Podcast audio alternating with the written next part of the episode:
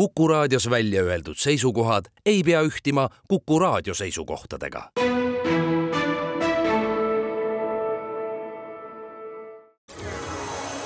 loodusajakiri, vaata ka looduseajakiri.ee tere kõigile teile, head Kuku raadio kuulajad, ilusat reede õhtu jätku. täna on saates külas Tallinna Tehnikaülikooli ettevõtlusprorektor. tere, Erik Puura! tervist, tervist! tänases saates me küll ei peatu Tallinna Tehnikaülikooli tegemistel, me räägime teiega pigem kui geoloogi ja keskkonnateadlasega. ja selle jutuajamise ajendiks on ajakirja Horisont kolmas number, see on suvine number, juuni-juuli number, milles teil on artikkel, kuidas põhjavee koostis meie tervist mõjutab. mina olen saatejuht Tiia Rööp. Te alustate artiklit tõdemusega, et Eestis on seni välja arendamata meditsiinigeoloogia. mis asi on meditsiinigeoloogia? meditsiinigeoloogia loob seosed inimese tervise ja loodusest tulenevate äh, siis erinevate ainete mõjude vahel. ja üks aine, mis, mida me kogu aeg igapäevaselt tarbime, ongi ju nii-öelda vesi. inimene joob väga palju vett ja ma tõesti kirjutasin sellest, et äh, missugused seosed on siis nii-öelda vee keemilise koostise ja inimese tervise vahel, mis on nagu teada millised võiksid veel olla need teemad, millele meditsiinigeoloogia võiks Eestis keskenduda? No kindlasti üks teema, mis on kohutavalt oluline, on äh, radioaktiivsus, näiteks meil on ka Eestis selliseid alasid, kus on kõrged radooni kontsentratsioonid, neid tuleb teada, neid tuleb tunda, nii et see on kindlasti nii-öelda nagu üks väga oluline teema.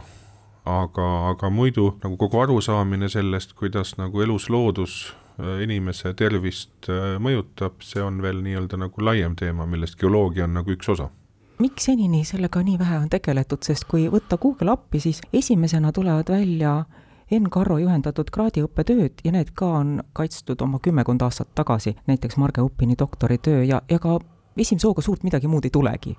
no võib-olla see termin on natukene kummaline, aga äh, no ütleme, geoloogia on selline eriala, kus on seoseid ju väga paljude erialadega nii et äh, noh, ma ikkagi arvan, et nendest asjadest on räägitud küll, et äh, aga äh, nagu eraldi episoodiliselt, et ka Tartu Ülikoolis näiteks arstiteadlased on uurinud siis fluori mõju põhjavees inimese tervisele ja noh, nagu üksikuid uurimisi on ikkagi päris palju kui me nüüd tuleme otseselt tagasi Horisondi artikli juurde, siis sellest te sedastate, et iga inimese teadmiste hulka peaks kuuluma üldisem arusaam põhjavee keemilise koostise tervisemõjust. mida me siis peaksime ette võtma, näiteks põhikooli programmis peaks olema selline õpe sees? no tõepoolest, sellepärast et äh, vesi äh,, nagu ma juba ka ütlesin, on üks aineid, mida inimene oma elu jooksul äh, kõige rohkem tarbib ja kõigepealt on ju kohutavalt oluline igale inimesele teada ja tunda, missugune vesi näiteks kodus kraanist tuleb, et missuguse äh, koostisega see on. Ja teisalt, kui inimene nii-öelda ise organiseerib endale veevarustuse, rajab puurkaevu äh, või siis ka ehitab salvkaevu kusagil hajaasustuse alal, siis äh, üks tähtsamaid asju on teada, missugune on selle vee koostis sest on teada päris palju juhtumeid, kui selle vee koostis võib päris tõsiselt nagu tervist mõjutada. võib-olla mu üldistus ei päde, aga mulle tundub, et inimesed usaldavad seda vett, mis tuleb veevärgi kraanist no ütleme niimoodi, et veevärkidel ikkagi on täiesti selge eh, nagu kohustus tagada vee kvaliteet ja no muidugi isegi nüüd praeguselt viimasest perioodist me teame eh, juhtumeid, nii Tallinnast kui, kui Saaremaalt, kus äh, veevärkidega on olnud ka probleeme, aga see on ikkagi väga selge, noh, nii-öelda vee-ettevõtete kohustus inimestele äh, hea kvaliteediga joogivesi tagada. Aga jah, et kui nagu meil ei ole veevärki ja inimestel on endal noh, nii-öelda organiseeritud veevarustus, siis, äh, siis noh, nagu seal inimene ise peab vaatama ja teadma, mis kvaliteediga vesi on. Kui inimesel on rajatud puurkaev ja kui see puurkaev rajati, ta lasi vett kontrollida, kõik oli hästi, kas ta võib nüüd olla aastakümneid rahulik, et see vesi ei muutu seal? ütleme, et väga suure tõenäosusega ikkagi võib, sellepärast et need geoloogilised protsessid, mis toimuvad, on aeglased, see sõltub tarbimise mahust, aga võib-olla ka tegelikult ikkagi mingisuguse perioodi järel, näiteks viis või kümme aastat, siis võiks, võiks selle noh, nagu vee kvaliteeti kontrollida, tõesti, jah. Kas on piirkonnad Eestis, kus oleks olulisem pöörata tähelepanu sellele, milline on kaevuvee kvaliteet, kus muutumise võimalus on suurem? no ikkagi ma eelkõige nagu räägin sellest tõesti, et inimene, kui ta on nagu kaevu rajanud, siis ta, ütleme puurkaevu, et siis ta ikkagi kui esmalt on teada saanud, missuguse koostisega vesi äh, sealt nagu tuleb ja oskab seda õigesti äh, tõlgendada. Ja seal on noh, nagu mõned äh, sellised väga huvitavad elemendid, mida võiks või peaks nagu jälgima ja üks nendest ongi näiteks fluor, selline hästi äh, nagu huvitav element, mida inimene äh, vajab, aga ta vajab seda kindlates piirnormides, et ütleme kuskil üks koma viis kuni kaks koma viis milligrammi liitri kohta on nagu kõige parem. kui on sellest kontsentratsioonist nii-öelda väiksem fluorisisaldus, siis võiks kindlasti kasutada fluoriga hambapastat, aga kui on kõrgem, siis on juba siin fluoroosi oht ja, ja veel kui üle nelja milligrammi liitris, siis osteoporoosi oht, mis tähendab ikkagi seda, et äh, sellisel juhul näiteks ka äh, fluoriga hambapasta kasutamise suhtes võiks olla ettevaatlikum ja väga kõrgete kontsentratsioonide puhul üldse mitte seda vett tarbida, nii et äh, eriti väikelastel, nii et noh, nagu selle tõttu kõike seda oleks vaja siis nii-öelda nagu uurida, teada, tõlgendada ja kui inimene teeb selle veeanalüüsi ja ta need andmed saab, siis põhimõtteliselt on vaja, et ta oskaks sinna nagu peale vaadata ja need noh, võimalikud probleemkohad ka äh, kiiresti tuvastada kas selliseid analüüse teha lasta, on see lihtne meil, ainult tahtmise küsimus? noh, eks ta midagi pisut maksab, aga, aga, aga see on tegelikult, see tulebki teha alati või noh, nagu selles mõttes ikkagi, et kui me tõesti ametlikult rajame puurkaevu, siis selle vee keemiline koostis on miski, mis nagu kindlasti ongi vaja järele uurida, sest teisiti see ei olegi võimalik Horisondis te kirjutate raskemetallidest ja raskemetallid on üks selline sõna, mis tõesti inimestes tekitab pinget ja ohutunnet, aga te puudutate veel tundlikumat teemat. See on meie põhjavee radioaktiivsus. see, mis on geoloogile loomulik, see on teise valdkonna inimesele pisut pelutav. kuidas on lood meie põhjavee radioaktiivsusega? no ütleme niimoodi, et äh, see on tõesti üks sõna, mis inimesi kohutavalt palju noh, nii-öelda nagu kohutab ja, ja paneb mõtlema siis, et, äh, et kui miski on radioaktiivne, siis on kindlasti paha, ütleme niimoodi, et kõik materjalid on radioaktiivsed, on tähtis, missugune on see doos, mille inimene siis äh, noh, näiteks vee tarbimisel siis organism äh, saab tegelikult. ja, ja siin me teame, et noh, näiteks Tallinnas siis ütleme Viimsi kandis on olnud siis probleeme põhjavee radioaktiivsusega, on olnud ka paanikaid tekitavaid ajalehe pealkirju, sest tõesti on olnud siis perioode, kus kraanivesi ei vasta normidele ja, ja siis on noh, nagu tekitatud nagu kohe paanikaefekt, mina olen püüdnud seda teemat äh, rahulikult äh, lahti seletada ja näidata siis seda, et jällegi radioaktiivsus on selline teema, et inimene võib aasta jooksul ikkagi ütleme, ohutusele vastavalt Äh, saada siis teatud sellise summaarse doosi. Ja kui ta joob kaks liitrit päevas normikohast põhjavett, siis äh, tegelikult, kui see on täpselt selle normi piires, siis ta saab äh, kusagil kaks protsenti sellest aastasest doosist. Ja nüüd, kui kujutame ette, et sama inimene joob siis norme ületavat põhjavett, samuti kaks liitrit päevas, siis ta saab nagu kuus protsenti sellest, sellest doosist, nii et noh, nagu mingid teised komponendid seal, no näiteks nagu radoon jällegi ehitistes või siis ka näiteks erinevad uuringud, kus kasutatakse röntgenkiiri,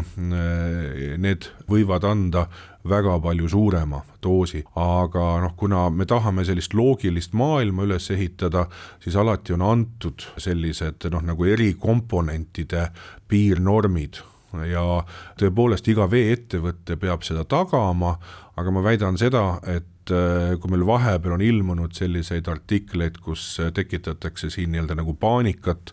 siis noh, väga sageli ka otseseks nagu paanikaks ei ole põhjust, isegi kui see vesi on normidest nagu kolm korda kõrgema radioaktiivsusega, sest ikkagi see doos, mis me sealt saame, moodustab väga väikse osa sellest lubatud aastasest tervikdoosist Horisondi artiklis te vaatlete neid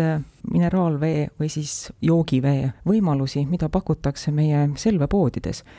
milline nendest pudelivetest võiks olla teie hinnangul selline tervele inimesele hea tarbida? noh, jällegi vastus äh, ei ole väga ühene, sest sageli oodatakse selliseid äh, ühte nime või ei või jaa vastust. aga noh, ütleme üldse niimoodi, kui ma näiteks olen tartlane ja ma tahan sellist head, hea maitsega, suhteliselt magedat vett, mis lihtsalt nii-öelda janu kustutab, siis on kõige õigem seda võtta kraanist ja ütleme niimoodi, et et Tartu vee keemiline koostis on suhteliselt lähedal näiteks kuulsale kaubamärgile Evianile, mida me joome. Aga kui me oleme näiteks äh, sporti teinud ja meil on nagu soolakaod, äh, siis äh, kasutada kas siis värskavett või siis noh, nagu mõnd teist mineraalvett, kus on kõrge soolasisaldus, siis see võib olla nagu hea mõte, et organismi funktsiooni nagu taastada. Kui meil on, siis tahame, et vesi aitaks kaasa seedimisele, äh, siis on olemas sellised põhjavee äh, nii-öelda tüübid, mis on äh, sulfaatsed ja neid siis koos söögiga kasutada on nagu samuti tervislik, nii et alati noh, ma arvan, et üks tavaline inimene mitte kunagi ei mõtle selle peale, et ta arvab, et nagu vesi on vesi ja, ja võib-olla ka, kui ta nagu ostab Selve kauplusest vee, siis pigem see eelistus äkki tuleb mingisuguse soovituse või maitse järgi, aga võib-olla hoopis reklaamikampaania järgi. Nii et, äh, nii et selles võtmes küll ma arvan, et, äh, et selline teadlik tarbimine, ta aitab äh, kaasa nii organismi heale seisundile, kui võib-olla aitab ka säästa raha. kui Tartu kraanivee koostis on üsna sama nagu kuulsal Eviani veel, kas me võime siis äh, öelda, et Tartu kraanivesi on kõige parem Eestis? Ma ei ütleks niimoodi, et ta on nagu, nagu kõige parem, ikkagi ütleme niimoodi, et vesi on vesi, aga loogika on ikkagi selles, et, et noh, vihmavesi on ju samuti, kui ta ei ole reostunud siin happevihmade poolt või siis äh, tolmuga siis vihmavesi on ju ka noh, tegelikult eh, vesi, aga vee hea maitse tegelikult saavutub kokkupuutel kivimitega. Ja puutudes kokku näiteks karbonaatkivimitega, kõige tavalisemad siin ütleme lubjakivi, mis Eestis on, siis äh, saavutubki selline noh, nii-öelda vee kvaliteet ja maitse, mis äh, on noh, nii-öelda nagu väga sarnane kas siis Evianile või, või Tartu äh, kraaniveele, nii et, äh, et sellisel juhul ikkagi, äh, kui seda teada, siis, siis ütleme niimoodi, et lisaks sellele, et see vesi on, on siis täiesti noh, nii-öelda janu kustutav ja eriti vanemad inimesed peaksidki iga päev kaks liitrit vett tarbima, siis lisaks sellele on ta ka hea maitsega, nii et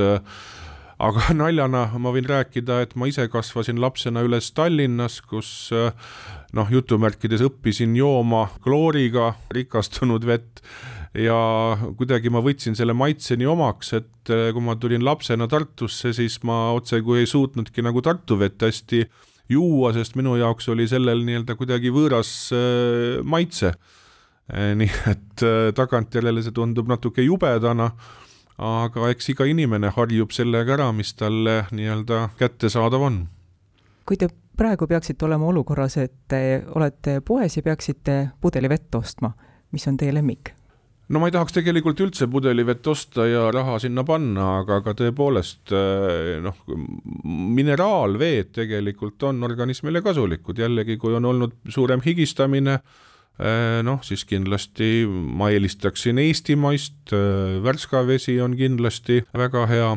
üks väga huvitav fenomen on veel ühest praegu nagu pudeliveest, mis ma olen märganud, see on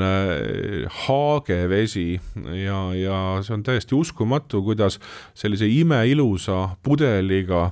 on haagevesi suutnud tungida siis ka ütleme, Eesti kõige nooblimatesse restoranidesse nii et just hiljuti käisin äh, Tallinnas ühel üritusel restoranis Noa, mis on hästi kuulus restoran ja jällegi noh, laual on siin Tartu kandist haage pudelivesi, kohutavalt ilus pudel, välismaalased vaatavad, nii et sageli saab ka vee ümbritseda nii noh, nagu visuaalselt ilusa keskkonnaga, et seda, seda hakatakse eelistama, kuigi noh, ütleme maitse või sisu poolest on see noh, ikkagi no ütleme täiesti tavaline vesi. aitäh, Eerik Puura intervjuu eest! Kuidas põhjavee koostis meie tervist mõjutab, sellest saab ülevaate ajakirja Horisont suvisest juuli-juuli numbrist, saatekülalise artiklist. saatejuht Tiir Ööp tänab kõiki, kes kuulasid, jälle kuulmiseni! loodusajakiri, vaata ka looduseajakiri.ee